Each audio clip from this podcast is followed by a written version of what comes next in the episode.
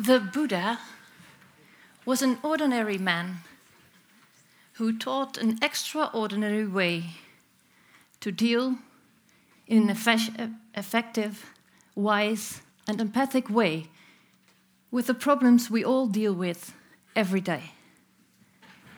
Stephen Batchelor, Buddhist scholar and teacher, explains the remarkable success of Buddhism worldwide by, um, by um, seeing its ability to reinvent itself time and again in each new situation. And because our Western culture is not very well at ease with the religious aspects of Buddhism, he dedicates himself to developing a secular Buddhism, one that keeps the treasures, that is, the ethical aspects and the practical wisdom, and that lets go, lets go of the metaphysics and the dogmatism. He will tell you all about this himself in a minute. Um, we are very happy that he's here with us today. Stephen Batchelor, Buddhism scholar, teacher, uh, he leads retreats worldwide. He was a founding member of Bodhi College, and he has published extensively books and articles about secular Buddhism. He was invited by Radboud Reflects and the Radboud UMC Center for Mindfulness. And again, we're very proud that you're here today. Um, he will give a lecture, and after that, he will talk to two scholars of Radboud University. Let there be light. Um, and that is firstly Anne Speckens, professor of psychiatry and director of the Radboud UMC Center for Mindfulness. And secondly, Christoph Hübenthal, professor of systematic theology. Um, and of course, there will also be time for your own questions. My name is Lisbeth Jansen. I'm a program manager at Radboud Reflects, and I will also be moderating the two discussions tonight. Um, you're most welcome. I'm very happy that you're here with us tonight. And I would like to give the floor to Stephen Batchelor. There's a clock. Yes.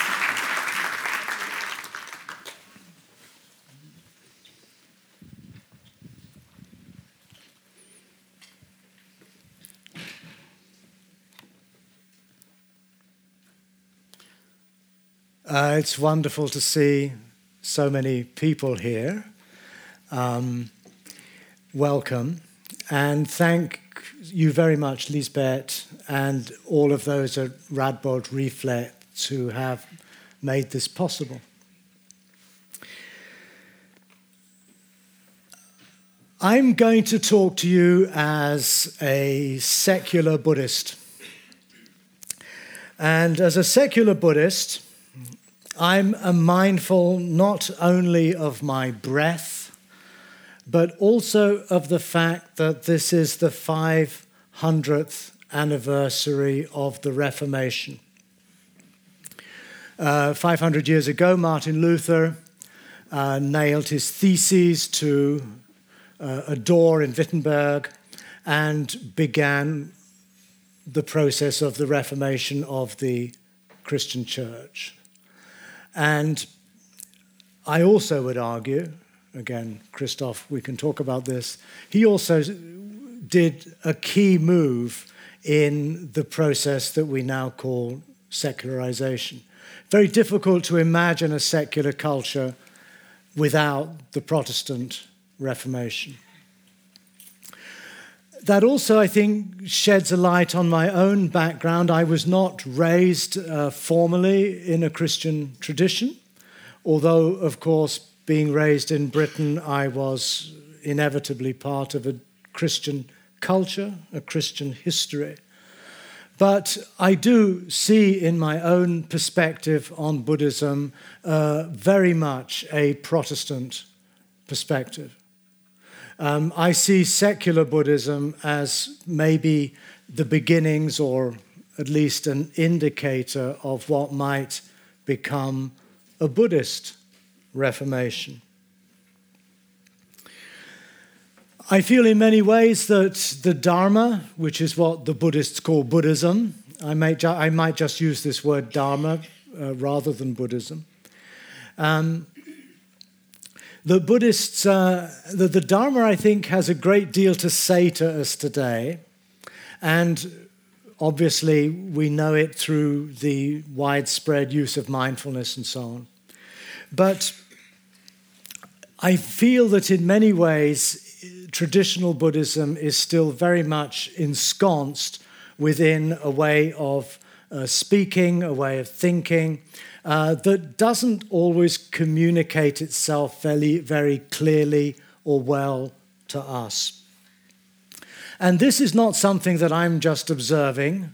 This is something that Buddhists themselves have become aware of in the course of the last hundred or more years. And I'd like to start this reflection on secular Buddhism by looking at the broader history of the secularization of Buddhism. In other words, how Buddhist teachers and scholars and monks and nuns from different cultures in Asia have found themselves having to confront modernity a modernity that in many cases was brought into Asia through the forces of colonialism. And perhaps one of the most significant moments in the secularization of Buddhism occurred in Burma uh, towards the latter part of the 19th century. Burma became part of the British Raj in about 1850, in other words, part of British India. And the Burmese, uh, being a proud uh, nation of people with a strong history and cultural tradition, uh, found themselves in the position of being the oppressed. And as one way to stand up to the colonial powers, they sought to reconnect with the deeper values of their own traditions. Uh, this was often the case in these anti colonial movements, they, they, it served as a moment for renewal within those countries themselves. One of the ways in which this uh, took place in Burma was to rethink what their Buddhist tradition meant to them. And since many of the reformers, no, not so much the reformers, but the anti colonialist agitators, um, what, since many of them had been educated in the West, they had a clear understanding of how the Western mind thought. They took this perspective to consider what they might have within their own tradition that could uh, both restore their sense of cultural and national pride and also have sufficient rigor to be able to stand up to the threats, particularly of the Christian churches who were seeking to convert uh, Buddhists to Christianity. And it's at this moment that they decided that they needed to take meditation out of the monasteries and introduce it into the life of ordinary men and women in, the, in families, in the workplace, and so on.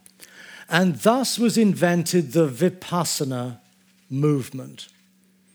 Um, a number of monks, a number of lay people uh, found in Vipassana or meditation practice um, a way of looking at the world that was both uh, uh, rationally coherent, did not require any grand metaphysical beliefs, and perhaps most importantly, was something you could do through your own practice, through your own efforts, that would make a qualitative difference to how you lived as a person in the world.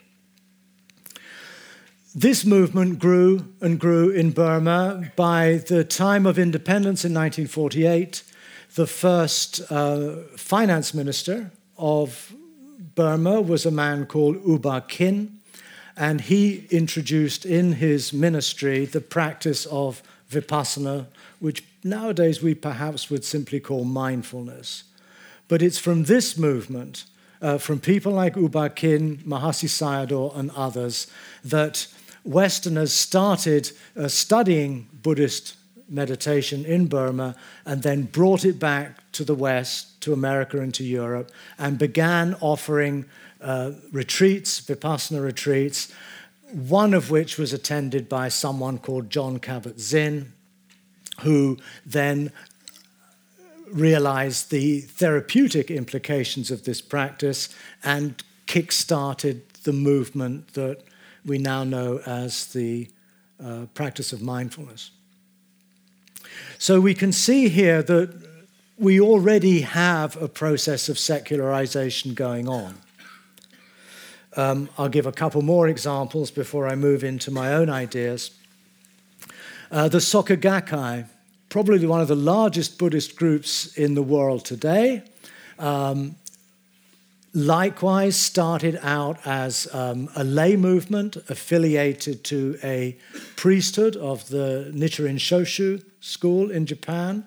Um, Soka Gakkai in Japanese means value creating society. It was an educational movement founded on Buddhist ideas, but rooted in Nichiren Buddhism. And that too, over the uh, decades after it was founded in the 20s, um, became, after the Second World War particularly, uh, the largest Buddhist movement in Japan. It too now has spread across the world. It has something like 20 million adherents, and it is largely a secular movement. There are no priests anymore, they've all been taken out of the picture, or let's say the priests tried to, um, to excommunicate this lay organization that was becoming too powerful, so the lay organization dropped the priests and went uh, solo, as it were. So, again, another example of the secularization of the Dharma in the 20th century here in Japan. Another very potent example is what happened in India, also as uh, emerging out of the colonial situation. Um, in the movement up towards independence in 19, again like in Burma, 1948, um, one man in particular, who was called Bhimrao Ambedkar, who came from the untouchable caste, in other words, outside the Hindu caste system. He had been spotted by the British as a very brilliant ma- young man, educated at Oxford or Cambridge, became a barrister, and became the first justice minister of the independent uh, India. He, in fact, helped frame the Indian constitution. The, um, fact, though, was that he could not accept the doctrines of Hinduism that treated him effectively as someone who didn't fit in to their scheme of things. And he felt, after much reflection, that the best way to serve his community, they're now called the Dalit community, was to break free of Hinduism altogether. And he did this by converting to Buddhism together with half a million of his followers. He tragically died a few months later, but his movement continues today. It now embraces millions and millions of former untouchables in India. It is a major political, social force in that country, and it is once again based upon a secularized version of Buddhism. Uh, Ambedkar wrote a book called The Buddha and His Dharma, in which he takes the Four Noble Truths, for example, not as a religious doctrine, but as a doctrine of social justice. Uh, again, there are no monks involved in here, there's no priesthood. It is a totally lay movement that is engaged with social and political issues. Take a figure like the Dalai Lama, obviously a monk, uh, a very committed Buddhist, uh, arguably the best known Buddhist in the world.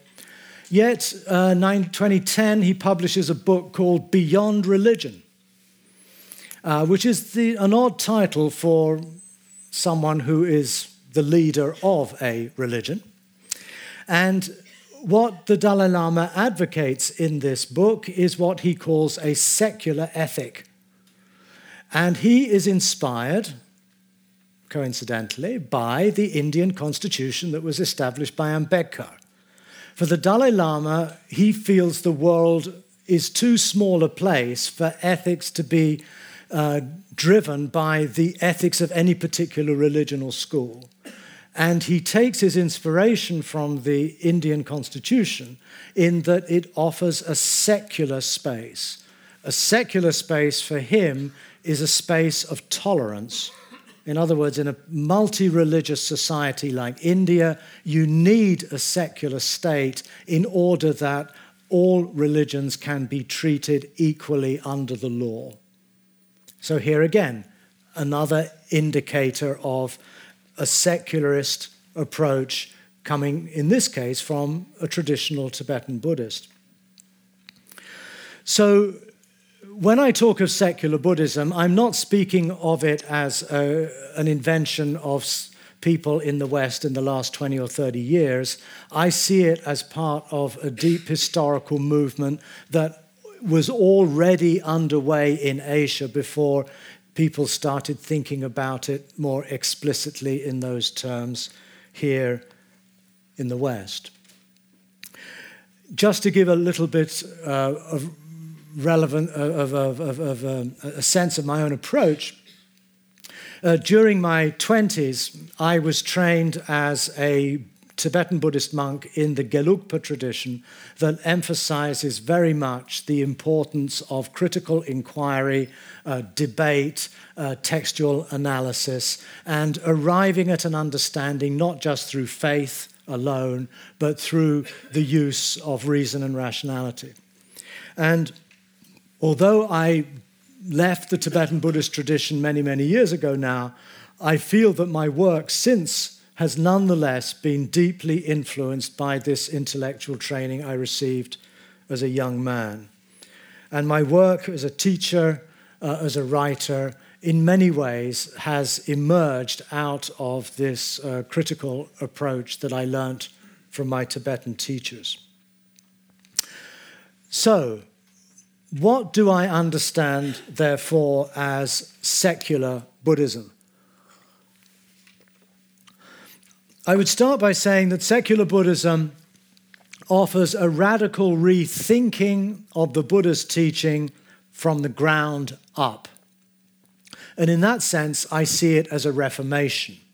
I see it as going back to the earliest source materials that we have, in other words, the Buddhist equivalent of the Gospels, and trying to get as clear an understanding as is possible of what it was that the Buddha was saying in his time that spoke uh, to the condition of people then that was not drawn from his Hindu or his Jain or his religious environment uh, that was already in place at his time. What was it that was original about the Buddha's teaching?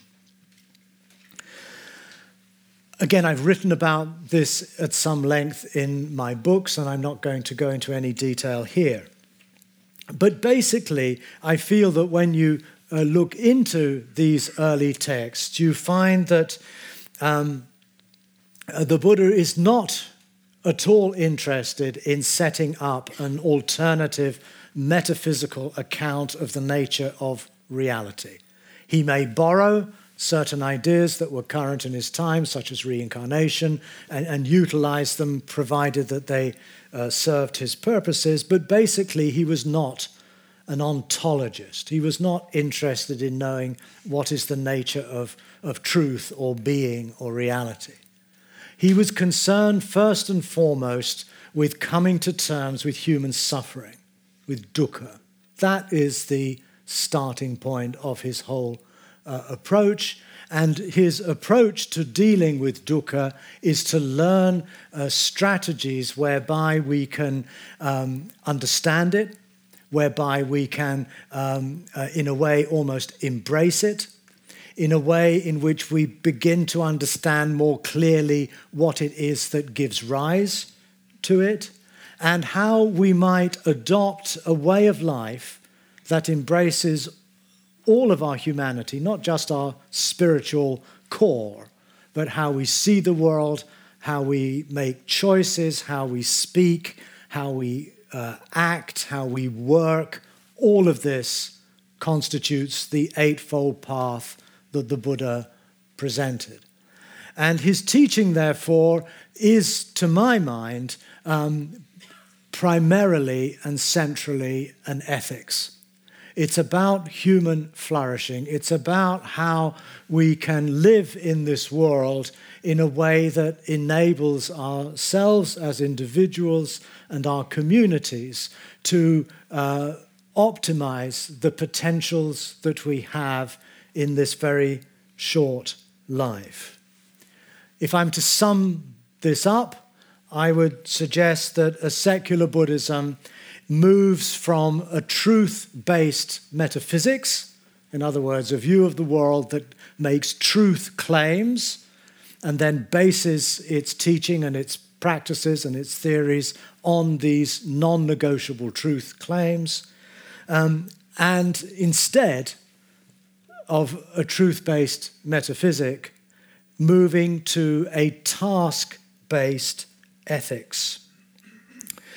Now, the way in which I have approached these uh, questions is by making uh, a study, a critical study, of the doctrine of the Four Noble Truths, which you're probably familiar with. If you've ever opened a book on Buddhism, you will find right there on page two or three the Four Noble Truths.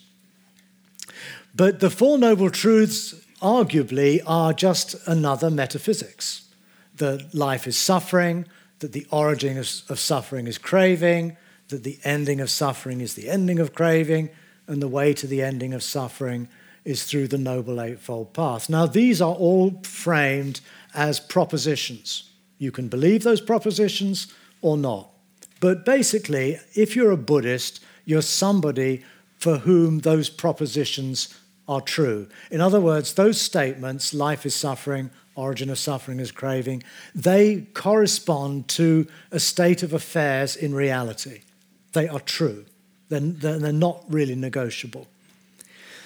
To me, that doesn't sit at all comfortably with the Buddha's repeated avowal of metaphysics his refusal to answer questions about the origins of the world, the end of the world, whether mind and body are the same or different, what happens to him after death or not.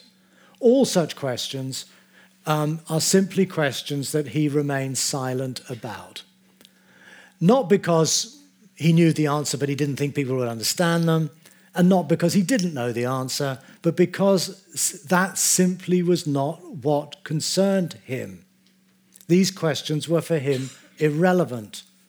Um, he says they have as much relevance as a person who's been shot by an arrow, who's bleeding to death, but won't let a doctor remove the arrow until he knows the name of the person who shot it, whether that person had fair hair or dark hair, whether the arrow had the feathers of a crow or a, he makes it absurd. And he says, meanwhile, of course, the person would die. So, in other words, this parable points very clearly to how the Buddha is not interested in where, you know, how things came to be the way they are. He's concerned with how do we address the question of our dukkha, uh, the tragic dimension of our life, our birth, sickness, aging, and death. How do we respond to that in an appropriate way? How do we respond to that in a way that can enable us to flourish more fully as persons.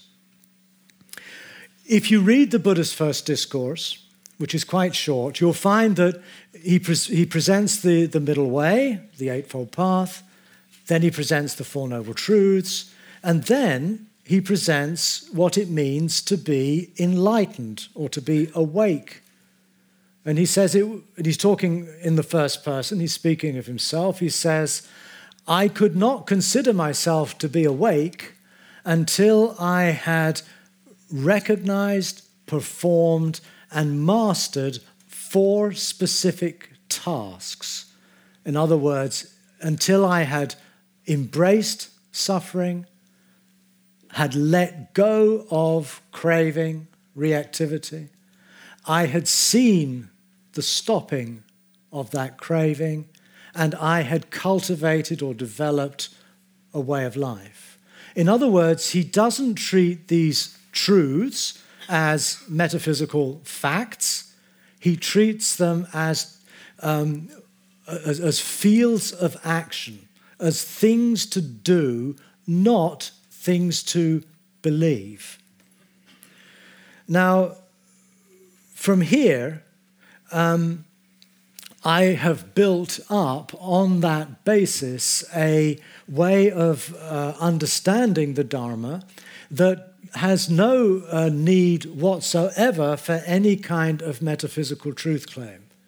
Uh, I don't, uh, to be a Buddhist or to practice the Dharma, let's say, does not require that we believe in reincarnation, does not require that we believe in, in, in different realms of existence in which we might get reborn does not require that we believe in a natural karmic law that determines our outcome after death and uh, somehow is the kind of invisible current that drives life on earth. All of these things are simply not relevant. I'm not saying that they're wrong, and I'm not saying that they're right. We just need we no longer need to think that way. Uh, these are simply features of ancient Indian cosmology that in those times served a perfectly viable and useful purpose, but they don't really fit the kind of worldview that we have today, particularly the one that has emerged out of the natural sciences. So, in other words, um, we can just let that go. We don't need to hold those kinds of views or beliefs. We can focus our practice entirely upon coming to terms with suffering, our own, that of others, by working on how we habitually and instinctively react to suffering or to life, how we get caught up in cycles of attachment, cycles of fear, cycles of worry, cycles of hatred. The point is not that these mental states cause us to suffer, which of course they often do, but that's actually, again, not the point. The point is can you live a life that's not inflected by those kinds of emotions and desires and fears? Can you let go of that? And this is, of course, where mindfulness comes into play. Mindfulness is not some marginal exercise in Buddhism, it's right at the core. So I find it extraordinary that something that is so central to the Buddha's vision has found a way of uh, making, becoming available uh, to people who have no interest in Buddhism whatsoever. And yet, have found that by doing these uh, spiritual meditative practices, it has a transformative effect on the quality of their life. But what they're talking about is a practice that's utterly indistinguishable from what a monk in Burma, in a forest, in a cave, is also doing. There's, no, there's, no, there's really no difference. The actual practice is the same. And so the approach, this secular approach to the Dharma, by turning what were once truths into tasks, turning what were once uh, beliefs about how suffering emerges into instructions to let go of certain habits of mind. And in having let go of those habits of mind, even momentarily, to allow oneself to come to rest in a still, clear, presence of mind that is not driven by those reactive patterns. That is, in fact, nirvana. Nirvana is not a Buddhist heaven.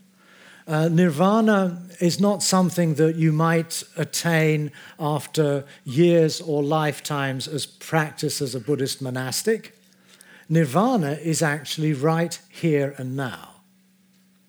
And again, this is not some Zen Buddhist uh, claim. Uh, you find it in some of the very earliest uh, passages in the Pali Canon, where the Buddha describes Nibbana as clearly visible, immediate, inviting, uplifting, and personally experienced by the wise, not personally experienced by the Buddhists, but by the wise.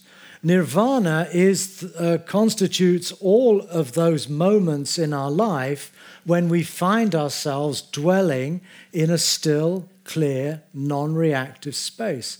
Nirvana is part of our human legacy. It's not an esoteric property discovered by Buddhists. So, this third task of seeing the stopping of grasping or reacting is beholding the presence of Nibbana here and now. And in this secular approach, Nibbana ceases, therefore, to be the goal of the practice.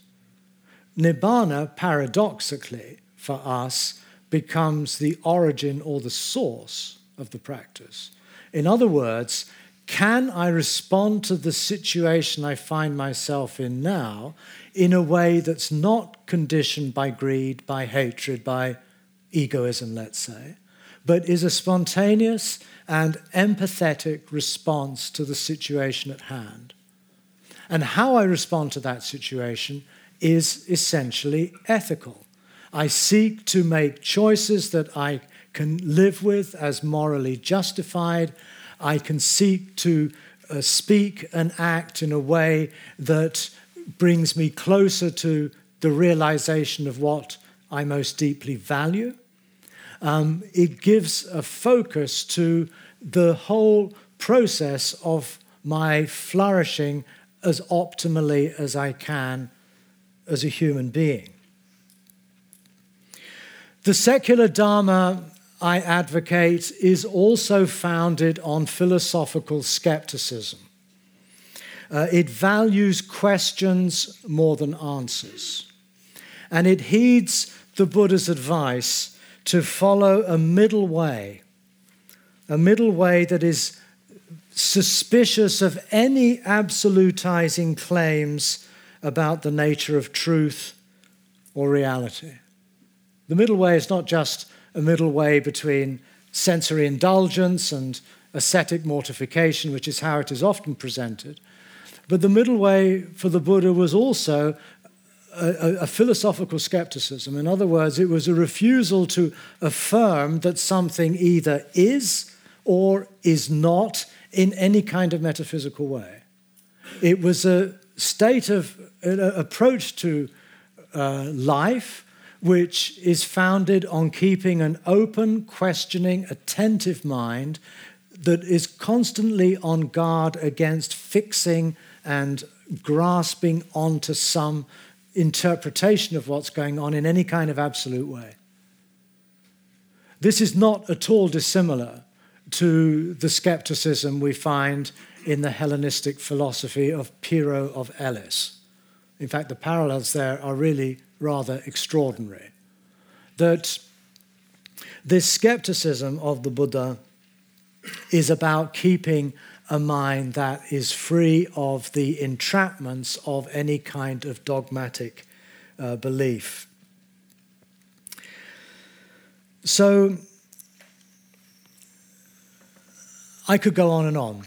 Uh, and um, I don't want to uh, spend the rest of the time just talking about various interpretations of, of Buddhist uh, doctrines, but I do think it important that in this secular Dharma that I am suggesting, um, I'm not just sort of cherry picking the bits of Buddhism that don't seem to be problematic, don't talk of reincarnation or, or spirits and gods and so on. I'm concerned that this secularization of the Dharma um, is rooted in a, what is arguably the core uh, teaching of the Buddha himself. Uh, the Four Noble Truths, which I would argue are better understood as the four great tasks, or simply the four tasks. Um, I have my own view that others probably don't accept in the Buddhist world that the teaching probably started out as a set of tasks to perform and practice, and then mutated and evolved into a set of beliefs, a set of, of doctrines to be adhered to and believed. I think what happened is the Dharma as a pragmatic and skeptical ethic uh, uh, evolved, um, and again, we don't need to go into all of the reasons, but evolved into um, basically another Indian religion that competed with the Jains and the Brahmins and others to offer a way to salvation, a soteriology which, for all Indian religions, or at least the major ones, has to do with breaking free of the cycle of birth and death, achieving moksha, liberation. And the Buddhists and the Jains and the Brahmins all sought this goal, and they have their own particular ways to achieve it as soon as that happened, uh, Buddhism became effectively uh, a, a, a, metaphysically based religion, uh, Indian religion. What's remarkable, I think, as the Dharma finds its way into modernity, is that it becomes subject to the process of uh, historical critical evaluation. In other words, we are in a much better position today than we were even, say, 50 years ago at understanding the, the political, social, religious uh, conditions under which the Buddha taught in northeast India in the 5th century BC. Um, we have a much uh, better critical understanding of the different layers within the early uh, canonical texts.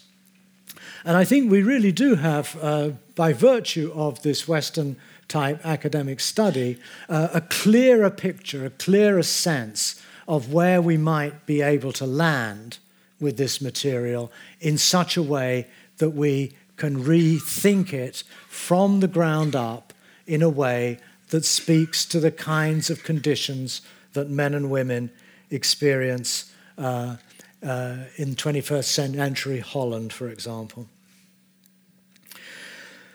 So, where do we go from here? I see this attempt to articulate a secular Dharma very much as a work in progress. Uh, I certainly don't think it is a fait accompli. Um, it's a discussion, it's a conversation that, in many respects, is mainly going on online in virtual communities around the world.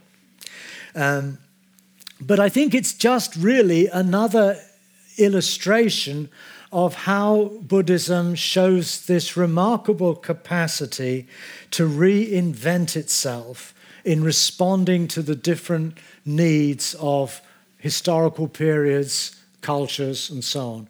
Um, I've always found that very inspiring. The fact that what we find in Buddhism in Japan or Tibet, sorry, or Tibet or Sri Lanka or Burma or Mongolia or wherever, they all have got their own distinctive flavor, their own distinctive style, their own distinctive art forms, their own distinctive teachings and teachers and practices. Uh, and I think this emerges uh, precisely because the Dharma uh, comes into a new culture and it begins a conversation. Uh, the conversation that began, say, in the 1950s, 1960s here in Europe was largely with psychology, with psychologists, um, because there was a meeting point. Buddhists had a lot of interesting things to say about the mind. Psychologists obviously have a similar um, concern about the mind, and they started talking to each other.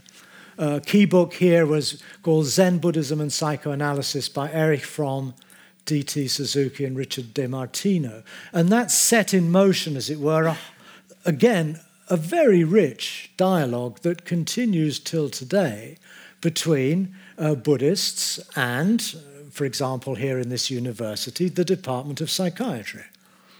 It's a continuation. Um, and I suspect that this will be one of the key entry points of the Dharma into our wider society. As is the case with so many people I meet on retreats I teach now who come not because of their interest in Buddhism, but because they've done an, a mindfulness course and they've started practicing mindfulness and they like it, they find it very helpful in living their lives. They then want to know more, and so they start Googling mindfulness and they end up on a Buddhist retreat. Uh, this happens a lot. Um, and um, this points, I think, very much to how there's a kind of trickle down effect from psychiatrists and psychologists talking to Buddhist monks, translating that through forms of therapeutic practice, mindfulness, let's say, and then that practice being a basis for people asking questions about their lives that are effectively philosophical and ethical and so on. And that's, I feel, where this secular Dharma will potentially begin to take root. In other words, what I'm looking for is an idiomatic European language uh, that doesn't require any specialist knowledge, in which we can articulate these values and these concerns and this notion of being on a path in ordinary speech. And that may be well what happens with uh, the further evolution of the whole mindfulness movement. For those of us who lived in Asia 40 years ago and were doing Goenka retreats and so on, it's, uh, it, it, it, it came as an enormous surprise the speed with which the practice of mindfulness took off. I don't think any of my peers when we think back to living in India in those days, would have ever imagined this would happen. Uh, quite inconceivable. If somebody had told me in 1972, let's say, you know, in 40 years' time, you'll be able to get mindfulness on the British National Health Service, I would not have believed them. I would have thought they were a bit of a fantasist. But it has come to pass. And that to me is really remarkable and, in many ways, an extraordinary confirmation of my own adolescent intuitions to head off to India and to look into Buddhism in the first place. Now, some Buddhists feel that this whole secularization of the Dharma, whether it's called secular Buddhism or not, the whole mindfulness movement, is somehow a kind of a dumbing down it's sort of an asset stripping of the Dharma. You take out the mindfulness and a bit of metta and uh, one or two ideas and the second arrow, and then bingo, you've got. I think that's a very, uh, a very trivial objection. And I would argue the opposite, namely that the, the whole mindfulness movement might well help Buddhism to discover its own heart and its own roots by going back to these practices. Again, it's not the West going to the East because, as I said, this process began in Burma 100 years ago. It's been now, as it were, filtered through the Western Academy and is returning now, ironically, to places like China and Japan and Korea, where they're all doing mindfulness. In Korea, they call it K mindfulness, a bit like K pop. Uh, in other words, mindfulness practice with a kind of Korean gloss.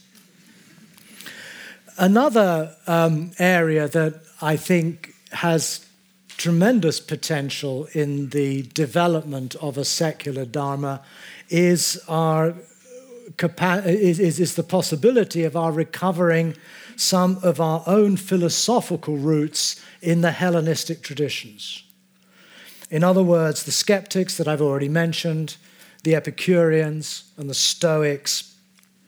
When you read, for example, Epictetus or Marcus Aurelius or the fragments of Epicurus, and you already know quite a bit about Buddhism, you're constantly saying to yourself, wait a minute, I've seen that before. Oh, yeah, that's in the da da da da, da sutta. And yet, it's not coming from a culture that knew anything about Buddhism. It's coming out of practices, practical philosophies that were very influential in the origins of our own philosophical traditions. Uh, and I feel this is a very exciting area in which uh, mindfulness and such secularized Buddhist thinking might bring us back to a renewed appreciation for a similar kind of practical philosophy that we had already in Greece. And finally, a note really, which is a personal note really, I find that rather than I self identifying as a Buddhist, which, to be honest, I find more and more difficult to do, um, I find myself more comfortable in the spaces between traditions. And if I'm honest with myself, that's where I spend most of my time. Not with my Buddhist hat on, but somehow moving between worlds, between Buddhism and Christianity. Much of my work has been strongly influenced, particularly by liberal Protestant theology. My whole critique of Buddhist thinking, uh, the whole attempt to find a new language was initially inspired by the work of Paul Tillich, uh, the Lutheran theologian in America or Germany, then America. I also live in the space between uh, religion and um, lay culture, as it were, in the space between uh, different artistic traditions. And I find that my life is informed as much by something that's coming out of the Gospels, that's coming out of uh, the Stoics, that's coming from the paintings of Vermeer, um, that's coming out of a contemporary secular thinking. Like Someone like Richard Rorty has been a great influence on me. But I don't, I rarely feel completely at home in any one of these spaces. So a plea perhaps to think of secular Dharma as not trying to box itself into the Buddhist compartment, but actually finding a freedom to move between the traditions that already inform the lives that we lead. Thank you.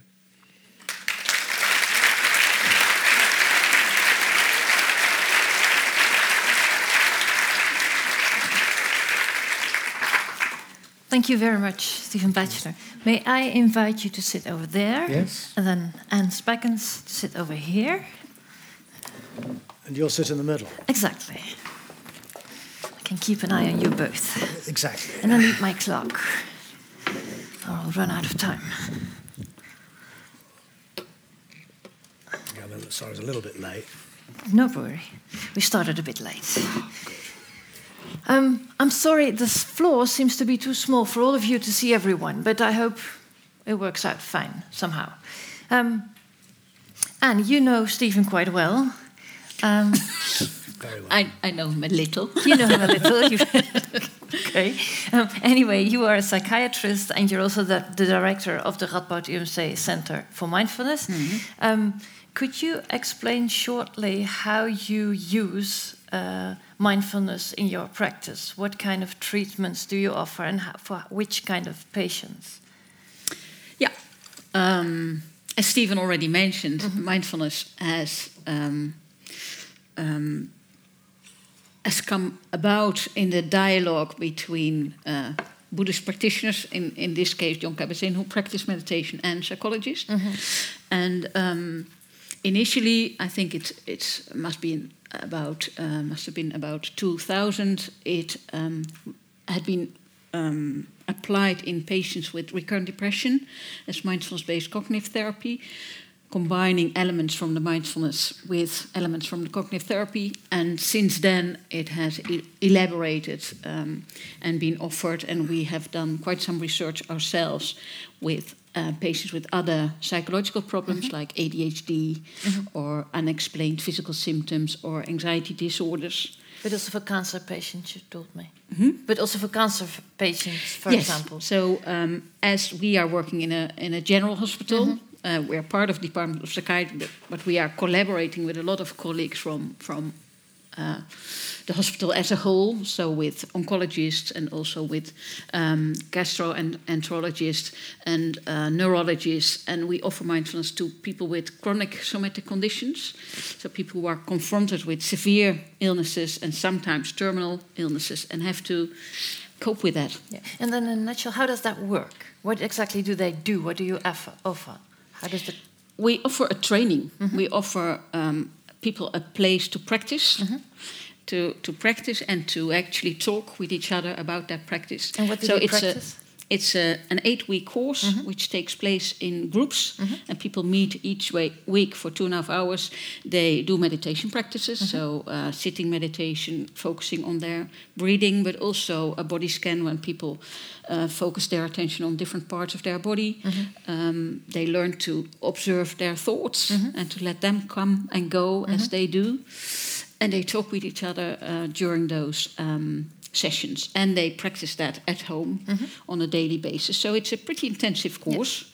Um, uh, it's like other skills like piano playing Uh-huh. or, or even running. You Yes, have to to, to do it rather than talk about it. Yes. So that's what people do, and they uh, they find it very. Um, usually, they find it helpful. Uh-huh.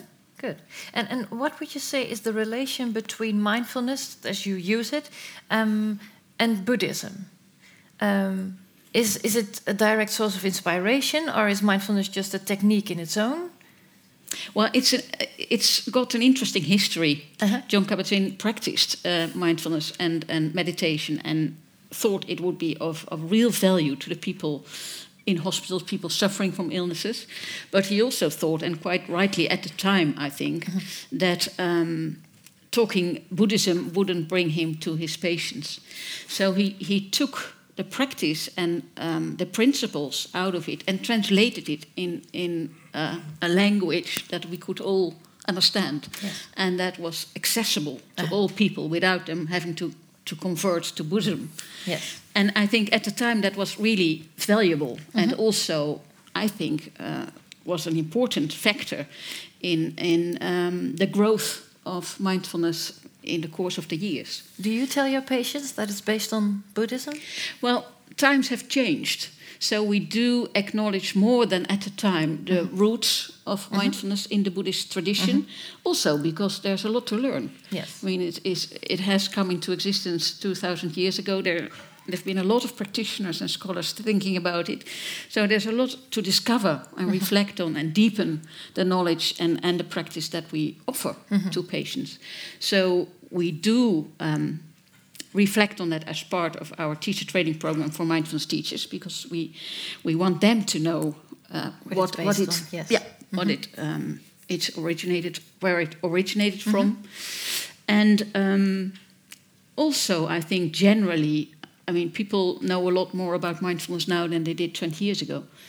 So in the popular press, in TV documentaries, in, in information on our website, we do acknowledge that their roots, the roots of mindfulness in, in the Buddhist tradition, and the broader context.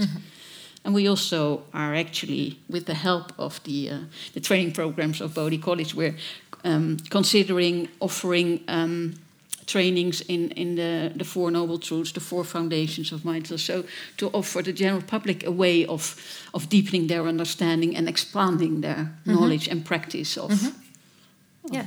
um, this. Okay. So, Stephen, if you're here and speaking mm-hmm. about how she implies mindfulness in her work and the relationship with Buddhism, is this the way you think a secular Buddhism ought to look like? Well, I don't think we should use the word ought. To, I know. um, uh, in some ways, what the, the fact is that we're going to be surprised. I mean, that to me was one of the most signal moments. Is uh, wait a minute, this mindfulness actually works outside of Buddhism in an extraordinary way. I would never have guessed that, as I mentioned. yes. Um, and I think we have to be open to the fact that we're exploring, we're, we're sort of, we're opening up a path, we're following our noses, we're asking ourselves where this is going, but we don't really know in the long term what the consequences of all this might be. Uh, they're probably not going to be anything we can currently anticipate. We don't really know. Um, I, from my perspective as a scholar and also someone very interested in the history of Buddhism, um, I see that so many factors come into play, and not just you know the, the core exercise of your practice or whatever, but it'll be the kind of the, the, the, the, various literary and artistic traditions that might inform you. It might have to do with uh, other philosophers or psychologists developing ideas independently that suddenly come into alignment with what you're doing, and that takes it off in another direction. To me, the most important thing is this ongoing creative and imaginative and risk taking endeavor to find ways of really addressing effectively human suffering. That's the bottom line. Mm-hmm. Uh, that's whether you're a Buddhist or a psychiatrist. How do we live in a way where we're less constrained and restricted by our attachments and fears and other sufferings that we encounter in our lives. So, so I, don't, I, I really have a very open mind as to how this is emerging. I do see, nonetheless, that the mindfulness movement uh, seems to be operating in a practical way, um, or let's say illustrating in a practical way what I'm trying to articulate in a theoretical way. Namely? Well, I'm trying to. I'm, I'm trying to understand. And we're how doing the work. They're doing the work, basically. um, they're, you know, I'm arguing that you He's don't. the messenger. you, you, you, don't need to believe in reincarnation or uh-huh. future lives or enlightenment or nirvana and these yes. things. But, um, but it's a practice for living a more ethical life in this world and being more aware and attentive. And they're showing that that can actually be done. And one of the, the directions it's aligning with within healthcare. I was thinking about during your lecture is that we the, our thinking about health is changing as well. Mm -hmm. We don't think about health anymore as absence of disease. Yes. But we're thinking about it in a much broader sense. Mm -hmm. And actually, uh, the concept of health that we're discussing now, it's much, much closer to the mm. eudaimonia. We're, were talking, the, the, the flourishing we were mm-hmm. talking about than um, it was in the past. How did that change? Well, that's, that's uh, um, a thing that changed in, in our society in general, yes. I think. But do you know uh, why? Well, partly because in the past uh, the diseases were uh, more uh, treatable. The infectious diseases are more treatable. It's easier to discern a, a cause and to do mm-hmm. something about it. Mm-hmm. And now um, all those conditions are multifactorial, mm-hmm. and we recognize that that flourishing of people doesn't only depend on on physical health, but also on their social mm-hmm. conditions and psychological state. Mm-hmm. So it's um, yeah, it's partly progress. I suppose. Yes, so it also might have to do with the fact that we've become more affluent and we have more yeah. um, space, energy, time, yeah. finances to dedicate to. to yeah. yeah. Okay. Well, I mean, as Anne is speaking, um, I'm reminded, of course, that the Buddha himself saw himself as a doctor. Really? Yeah, yeah, yeah, sure. The Buddha saw, saw himself as, the, as a physician. He saw the Dharma as, as, as medication. Uh-huh. He saw the Sangha, the community, as nursing staff. Mm-hmm. So the idea that the, the, the, the, the, the Dharma is somehow you know, finding its way into healthcare is, is actually reverting to the very core metaphors the Buddha used to describe what he was doing. And we'll find similarly that this is how the Greeks understood philosophy. Philo- the philosopher was a doctor. Mm-hmm. Uh, the, the, the practice of philosophy was a therapy. Mm-hmm. It was about the cure of the soul. Mm-hmm. And in all of these traditions, uh, certainly the Buddha didn't understand his medication as about just sort of sorting out your mind so that you can be happier more of the time. Mm-hmm he saw this therapy, this medication, this, this therapeutic procedure as occurring through what he calls the Eightfold Path, which has to do not just with our spiritual or mental life, mm-hmm. it has to do with our, our ethical life, it has to do with our work situation, it has to do with how we communicate, all of those things together. It, it, it, it develops an image that, again, is highly, to me, highly suggestive of this notion of, of human flourishing. Human flourishing is, is about flourishing in all areas of your life in an integrated way. Mm-hmm. That, I think, is the, is the model uh, of, uh, the, of, let's say, the symbol of the Buddha, yes. the Buddha image. is basically a symbol of integration. So, was the Buddha also very uh, concentrated on the individual? Or might you say for him it might have been more a societal movement. Oh, it was clearly a societal movement. Yes. There's, there's, no question of that. And is that something of the West that we've made it an individual health, flourishing, happiness, etc.? That's one of the dangers, of course. Mm. So that's another dimension that we might develop more. And um, if you practice mindfulness, you do discover that it has to do with your relationship with other people. Mm -hmm. Otherwise, it would it wouldn't be anything. Yeah. So um, that is inherent inherent in the in the practice. But um, in in the sort of image of mindfulness that sort of people tend to think about it as an individual thing. And we could, um, I think we, we could do more to, to develop that and to stress that and to, to actually also practice that Yes. in a more explicit way. The ethical dimension, of course, within healthcare hasn't got as much a place as it had uh, in a, in a um, tradition of, of cultivation of your own spiritual well being. But why not? Yeah. so, so one last question before we have to go to the second um, interview. Um, if you if you use practices from Buddhism in a secular context, in a healthcare context, do you feel like it's being reduced in some way, or rather something extra is added to this concept or to the mindfulness practice? It's an evolving process, I think. So uh, who knows where it will end up? In practice, I, th- I think it's um, a discovery for people, and and for many of them, um, uh, it will mean that they continue practicing and they find uh, other sources for inspiration or start reading about it or doing other things. Um, whether the, the sort of uh, use or application of mindfulness in a healthcare setting in modern Western society will add to the Buddhism or, or to who knows? I think it might, because the more people sort of practice and think about it and play Yeah. around with it, That was the last point in your lecture, I Yeah, guess. I, I, I do think that what if we step back a bit from our own specific work, you know, me as a writer on secular Buddhism, Anne as a psycho, and we just step back and look at the bigger global situation, I think we are experiencing um, also uh, an intercultural exchange. Uh, we're breaking down the rather fictitious and I think negative boundary between East and West. Um, I don't think there is an East and a West uh, anymore in, in that kind of colonial sense that we had.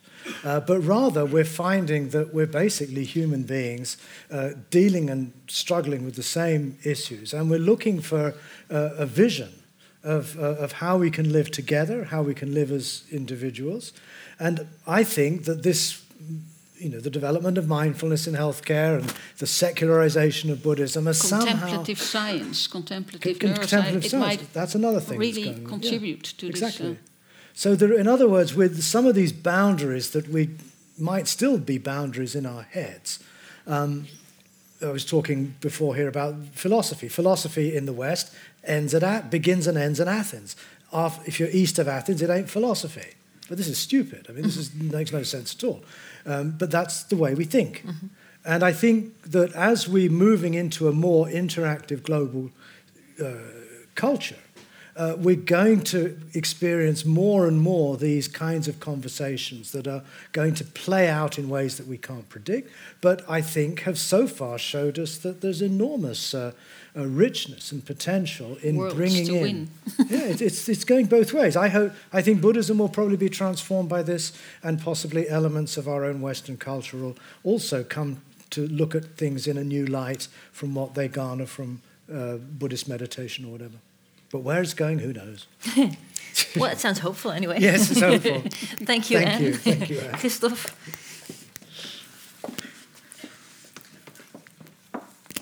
Welcome. Um, to, to introduce you shortly to the audience, you're a systematic uh, theologian and you're largely uh, focused on public theology, meaning, a bit short, shortly said, um, translating theological concepts to a broader audience. Very roughly Yeah, speaking. okay, thank I you. would agree, yeah, yeah. we'll keep it with that then. Um, uh, Stephen, you ended your lecture by saying that your research, especially in the quest of the historical Buddha, um, has been influenced by uh, the work of Christian theologians. Can you explain a little bit more how that worked and why you were inspired by them? Well, I, I, I spent uh, my. I became a monk in India at the age of 20. A couple of years after that, I returned to Switzerland because my teacher, Geshe Rabten, became the abbot of the Tibetan monastery in Switzerland. And when I came back to Europe, I started becoming very interested in how our own culture, our own Western civilization, uh, had addressed the sorts of questions that I was working with in my Buddhist mm-hmm. world. And uh, this led me to start reading in Western philosophy, particularly existentialism, phenomenology, and so on. And that led me to the study of certain Western theologians. Mm-hmm. And also, I was also studying Jung and Western psychology too. I was, I was greedy for this stuff mm-hmm. because I've been sort of cut off from it. And I was particularly taken with how uh, contemporary Christian theologians were trying to, in a sense, revitalize their own intellectual traditions, their own way of understanding the Gospels in the context of modernity. And I felt that they were effectively trying to do exactly what I wanted to do. Yeah, and they did that yes. by, by looking for the historical Jesus. oh, that that's case. one element okay. of it. Mm-hmm. That wasn't actually my initial uh, interest. Mm-hmm. My interest really was using the language of of, of uh, existentialist philosophy, particularly, mm-hmm. to re articulate the core Buddhist values of uh, the tradition, which are often obscured because they're in these rather arcane Pali Sanskrit words or they're in some sort of neo Western mm-hmm. jargon. And I wanted to find a, a, language that really spoke to people without those obstacles. Uh, more recently, in the last few years, I've been very interested in the quest for the historical Jesus uh-huh. and how that has influenced my own quest for the historical Gautama, uh-huh. mm-hmm. which I've done a lot of work on. And, yes. But again, it's without the Christian uh, influence, I don't know whether I'd be doing this work in the uh-huh. way I'm doing it. Do, do you think, as a theologian, that it's possible to find this historical, this true Jesus or this true Buddha and should we even strive for it? There has been a long tradition uh, whether the historical Jesus can be reconstructed. Uh -huh. And uh, um, yeah, Bultmann, for instance, was uh, for instance was absolutely not interested mm -hmm. in mm-hmm. this question. Um, I think recently uh, people tend to go back to, to the historical Jesus and to try to reconstruct whatever is possible. Uh, so I, I, think there is a similarity with the reconstruction of the original teachings of, of the Buddha.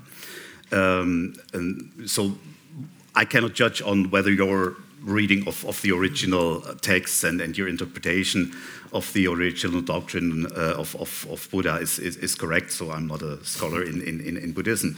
But uh, what, what, what strikes me is uh, that you um, um, yeah, are so, so, against this, this metaphysical interpretation of, of Buddhism. I, think once you, you, you, called it the, the, the Buddhist orthodoxy. Yeah. And uh, um, uh, so if, if you look, for, for instance, uh, there is a, a, um, a, long discussion since, since Karl Jaspers on the axial age. Yeah, yeah, it's it's it's on. It is said that uh, in in Greece, in uh, uh, the, the, the metaphysics, the upcoming of metaphysics and Greek philosophy, uh, the Jewish uh, uh, the Jewish prophets, um, Buddhism as well, and um, and and also Confucianism, so that there is an upcoming of, of of a new metaphysical thinking at a certain time, round about 500 before Christ, round about um, and and uh, where where uh, uh, which in a sense was a breakthrough. Mm. So this this this discovery of of metaphysical thinking, which in a, in a sense could be used to be critical on, on worldly powers. Mm. So, in, in the name of God or in the name of the Logos or the Nous or whatever, uh, you could criticize uh, earthly powers. And my fear is that an, a secular interpretation of any religious or metaphysical tradition tends to use this, uh, th this ability uh, to be critical on. on so, so this, this would be one, one uh, question to you. Uh, uh, whether whether a secular kind of Buddhism isn't isn't a, a kind of of, of uh, yeah gets gets rid of, of of its of its critical power. Gets yeah? rid of it. Yeah, yeah. yeah. Of, mm. I've never really thought of it that way. Um, I certainly uh, value the critical traditions that I've inherited from the Buddhists, mm. as I've mentioned.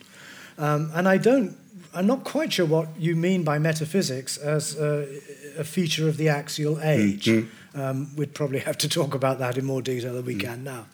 Um, I also do think that the axial age theory of Jaspers uh, is one that does make is very striking. Mm-hmm.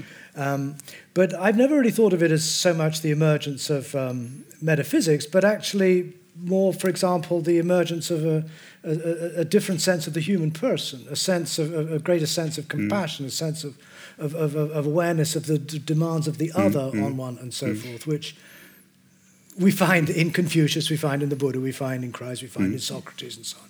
But if I may reformulate your question, and if I'm wrong, then please correct me, because it was my own question too. Mm-hmm. Um, is it not risky to try and find the one that we want to find, mm-hmm. rather than accepting the other having lived I don't know how many mm. hundreds of years ago and and and seeing the complete other with yeah. which we have to struggle in order to find what he has to tell yes. us. There is a risk. Uh-huh. Uh, but I think risks are worth taking very often. and um, of course, I'm totally alert to the fact that by uh, somehow uh, searching for the historical Jesus or the original mm-hmm. teachings of the Buddha or whatever, one is very much running the risk of basically just seeing what you want to see. Yes. And there's a famous image one theologian used in looking for the person looking for the historical Jesus is like a person who looks down a well and sees their own face reflected mm-hmm. back. In other words, they find themselves. Mm-hmm. But actually, I don't find that too problematic. Um, what I do think is crucial, and this might also answer Christoph's point too, is I think that for, the, uh, for a Buddhist tradition to retain its critical vitality, you need to be in constant, ongoing conversation with the primary texts of that tradition. Mm-hmm. And that is something that for me is very mm-hmm. important. Yes. Uh, in fact, uh, what my own journey through Buddhism has let, taken me to is a letting go of the more abstract metaphysical theories of, Mahayana Buddhism and Theravada Buddhism, and, and coming back more and more to um, these uh, early texts in Pali. Uh, but not in, in a fundamentalist kind of way. If it says it in Pali, it must be true. No, not at all. It offers a new way of entering into a living conversation with the past, with the tradition itself. And that is not by any stretch of the imagination uh, simply finding what I want to find. In fact, I do find constantly uh, a, a, um, a, a, resistance mm-hmm. from many texts. Mm-hmm. Uh, and I'm not prepared just to dismiss them because they don't happen to agree with what I think. Mm-hmm. Uh, if you do that, then it just becomes virtually a solipsistic exercise. Yes. Uh, and that, to me, holds no interest. Uh, so, yes, I struggle with these texts. I struggle with these traditions. I struggle with the figure of the Buddha. Um, I don't always find the earliest texts congenial at all. I have to somehow cope with that. Mm-hmm. Um, so, provided that I keep that kind of uh, open mind and also a willingness to, as it were, acknowledge the, the foundational nature of the primary canonical material uh, and whatever other historical facts that we can come to, uh, I think one would be relatively um, you know, one would at least impose certain safeguards upon one's thinking that might prevent the, wor- the most egregious forms of just projecting one's own fantasies onto it. Mm-hmm. But of course, cri- my cri- critics will also throw this at me too. Mm. You know, I'm just, I just see the bits in the Buddhist canon that Stephen Batchelor likes and then build it up out of that. I didn't mean to say that. No, no, but that's clearly the implication. Um, but you see the... Uh, it's one, one possible uh, implication. It is one possible implication. Um, but you see, that's how Buddha, if you look at, at how Buddhism has evolved historically, it's always done this. Yes. When Buddhism went to Tibet, they translated a whole corpus of literature from Sanskrit, but they only actually took seriously a handful of documents mm-hmm. because those documents spoke to their condition at that time. They're the texts that really address them. And the same thing has happened in the West. Certain texts have become canonical in Western Buddhism, mm-hmm. like the Kalama Sutta, which is the Buddha's sort of highly, you know, skeptical approach to tradition and so on, um, but was never particularly important in Asia.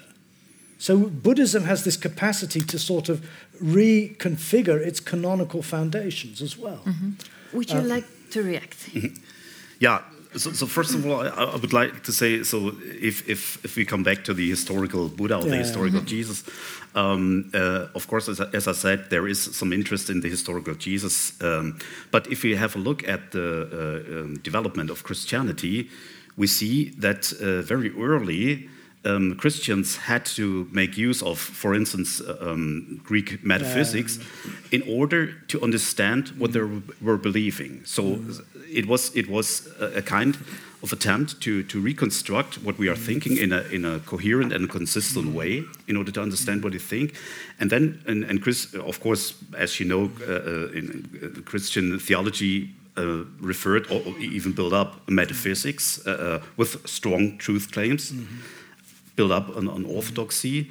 And uh, I think, in a sense, this is unmissable, or is is is uh, uh, yeah is is cannot cannot be cannot be missed. Why? In, yeah, Why would you say this? Be because because uh, Christianity, as I think any other religion or metaphysical tradition, wants to give an answer to ultimate questions. Mm. In your lecture, you, you, said that the Buddha um, declared them as to be irrelevant. Mm -hmm. Um, but I think it, that that uh, as human beings we cannot abstain from from asking ultimate questions. Can you give an example? The, the, what is the meaning of life? Mm -hmm. What where are we coming from? Where are we going to? Mm. Is there something as ultimate happiness or ultimate ultimate uh, um, peace or, or uh, what is the destiny of, of, of mankind? And, and, and questions of, the like. And, and if, if we begin to raise questions and, and uh, uh, try to answer these questions we cannot but, uh, but to give metaphysical answers with, with uh, uh, strong truth claims. And I think this is not, does not necessarily imply that we all have to be metaphysics or th that we have to be religious because we can give um, negative answer. So we can say, uh, uh, if you sp speak about the ultimate meaning of, of, of, human life, this would be this, but it, it, does not exist. So there must nothing correspond in, in reality to it. But, but uh, to, to not to raise these questions or to de declare them as, as uh, um, irrelevant, yeah, irrelevant uh, seems to me a kind of anthropological reductionism. Sorry because for people, saying, because people are not like that. because because or, people ask these questions, yes. yeah. And, and, yeah. and because they ask them, they cannot be said to be irrelevant. Yes, yeah, yeah, yeah, yeah. Yeah, okay. The, I, I, I think personally that the Buddha was profoundly concerned with these ultimate questions. Mm -hmm. But I think he was more interested in the power of the question itself than the uh, capacity we have to articulate metaphysical mm-hmm. answers mm -hmm. to them. And his, his basic uh, philosophical position, which I described as skepticism, is, is, is effectively avoiding affirmation or denial, what he calls is or is not. Mm -hmm. And that, in practice, leads to uh, a deep fundamental uncertainty and questioning that is the ground for the very questions that you say human beings passionately and necessarily ask. I've got mm. no problem with that. Mm, mm. And my own training in, in Zen Buddhism, which I did in Korea, uh, all we did, all I did for four years was ask myself the question what is this? What is this? Mm-hmm. And what that practice led me to was not an answer, and certainly not an answer that I would frame mm-hmm. metaphysically, but it led me to the power of the of questioning itself. That this questioning is really an opening to the sheer ineffable mystery of life itself. Mm-hmm. And that to me is more moving, is more resonant through my flesh and my bones than any kind of ultimate truth claim. Uh, I'm not interested in ultimate truth mm-hmm. claims like the Buddha was, but I am deeply interested in ultimate questions. Mm. Uh, again, I was inspired by Tillich. His definition of faith is the state of being ultimately concerned. Yep. That, to me, is the best definition of faith I can come up with. So I'm concerned with actually deepening these questions that tend to give rise to metaphysical type theoretical answers. And Buddhism has certainly come up with lots of them. And as you say correctly, Buddhism as a, as a, meta, as a religious tradition has evolved extremely complex and sophisticated mm-hmm. metaphysical theories that give answers to all of these deep questions. But the problem for me is that in doing so, they often lose sight of the questions themselves. And the metaphysical statements simply become uh, things you believe in or expected to believe in if you are mm. a card carrying Buddhist. You have to believe X, Y, and Z, and if you don't, you're missing the point, you'll get excommunicated or whatever. And the important point is to keep coming back to the question. But is, is, is, it, is it intellectually satisfying only to raise questions and never trying to, to, to answer them? I think that uh, uh, uh, I, I, would draw a distinction between answering a question and responding to a question. Now, you may be, that distinction may not be so possible in German or Dutch, but I respond, my response to these questions is not a metaphysical statement or answer. My response to these questions is a book, is a painting, is a piece of music, is uh, the way I work in my garden. Mm-hmm. That to me is a more appropriate response to those deepest questions rather than adopting a particular metaphysical mm-hmm. truth claim, which for some people might be the most appropriate response. I think there's too great a risk in that approach to basically giving people uh, consoling ideas to hold on to and to think that they have some access to truth, where in fact they're simply adopting a um, uh, the ideas of, of, of, of, people in authority, mm, priests mm, and mm. theologians, and so on. I want my faith, my Buddhist practice, to be a, a deeply living thing that is constantly engaged with the, uh, the, the, the, the, deeply perplexing and mysterious and weird fact of being here at all. That's where my practice has mm, its center, mm. and that is where I feel the freedom of uh, Nibbana resides. Um, once again, we come to, to the question if uh, um, I make a very uh, uh, bold uh, statement, but, but just to, for, for the sake of, of the argumentation, the, the person you describe as yourself, so being being happy to work in your garden or to to to look at a, a painting or whatever, listen to a piece of music, um, is exactly the, the, the person that our capitalist world uh, wants to to have because there, there, there is no there is there is no kind of critical engagement there is no kind of of of, of uh, uh, critically looking at the world you've been talking about the the uh, um, the, the, question whether whether mindfulness is, is an individualist uh, uh, uh, thing to happen or whether it is whether it has some some collective. Um, I I do not see the, the, the collective. So it's it's it's a purely individualist. be satisfied with with the life you live. No, no, no that's not what I said. Yeah. you, you, you misconstrued me. I didn't say that I would read a book or listen to a piece of music or look at a piece of art. I would seek to write a book or create a piece of, compose okay, a piece okay. of music, yeah, yeah. or paint a painting. And that would be a form of responding to the conditions of the world in which mm-hmm. I live. Mm-hmm. Um, I fully agree that if we adopt a kind of passive, you know, just individualistic life of mere sort of pleasure and peace, that would be uh, fitting into the model, you know, the kind of behavior that capitalist economy would like. Mm. Um, Slavoj Žižek, as you're probably aware, has described Buddhism as the opium of the middle classes, mm-hmm. and it, it's um, and mindfulness too, actually. Mm. Um, and it's not, and it's an, it's, it's, it's a good comment. Mm. I take that to heart. Mm-hmm. I think there is that danger. I agree, uh, but that's not really see, how I see it at all. Um, if Buddhism or mindfulness does lead to that kind of individual passivity, then in my sense, it's failed. Mm. Um, the, this response to life, I think, needs to be one that is not just uh, a, you know, a passive kind of enjoyment, but is actually a critical engagement with the world in which we live. Mm-hmm. Um, and I try through my own writing and through my own uh, work to try to give voice to those mm things. Um, uh, that to me is crucial. It's mm about a creative engagement with the mm world. Um, and you know, many Buddhists are struggling with this. Uh, a lot of Buddhists like to think of themselves as engaged Buddhists. But if you think of the examples I gave, for example, of Ambedkar, the justice minister, mm-hmm. or, um, uh, or, or the, the, Burmese political reformers, they were using Buddhism in a totally uh, political way. Mm-hmm. And that to me is where I would find greater inspiration, for sure. Absolutely. And yes? No, I just you wanted to. to I wanted. I, no, no, not yet. uh, I thought I, I, I recognized some of the uh, a similar process, but then the other way around, with Buddhism uh, being at risk of uh, stucking, being stuck in the process or in the practice, whereas maybe Christianity or theology may be at risk of stick, being stuck in the.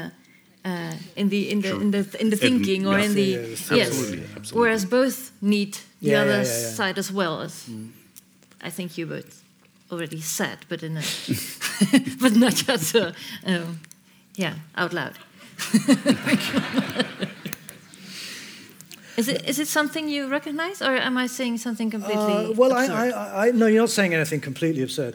The, um, but I do think it is very difficult to make such broad generalizations. Yeah, yeah, basically. I mean, but we have been. we have been, and we can't 50 minutes, avoid yes. it for some reason. But my, what I enjoy in interacting with Uh-huh. people outside my Buddhist world Yes. is that it actually, you know, triggers off conversations and dialogues that are, in, you know, very enriching for me. Yes. and hopefully for my conversation partners. And I think that the, uh, the space between traditions is the space in which we can actually meet one another too, you see. Yes. And um, I'll probably always be a Buddhist for the, you know, for the rest of my years. I'll probably have to write Buddhist when I go into my last hospital visit for the priest who'll save me at the end. But um, in some ways, I don't think that's really of what's essential at all. And um, yeah, I don't know. No. Christoph, Yeah. what do I you see think? that. No, no, no. I have one, one last tricky question, last maybe tricky for question you before, for before we go to Christoph, the audience. Uh, you've been uh, accused of, of cherry picking Yeah, the yeah, Buddhist sure. tradition. Do you think what are the Christian cherries, and what could we, you know, leave behind us?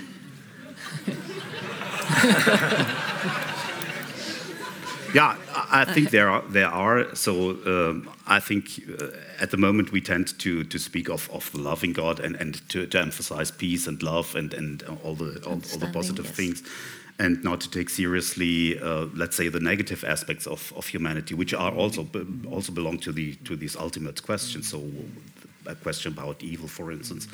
Um, so I, I think this is this is cherry picking in, in the Christian tradition, which we have at the moment. So we have to be careful about that. Yeah. Okay, yeah. thanks.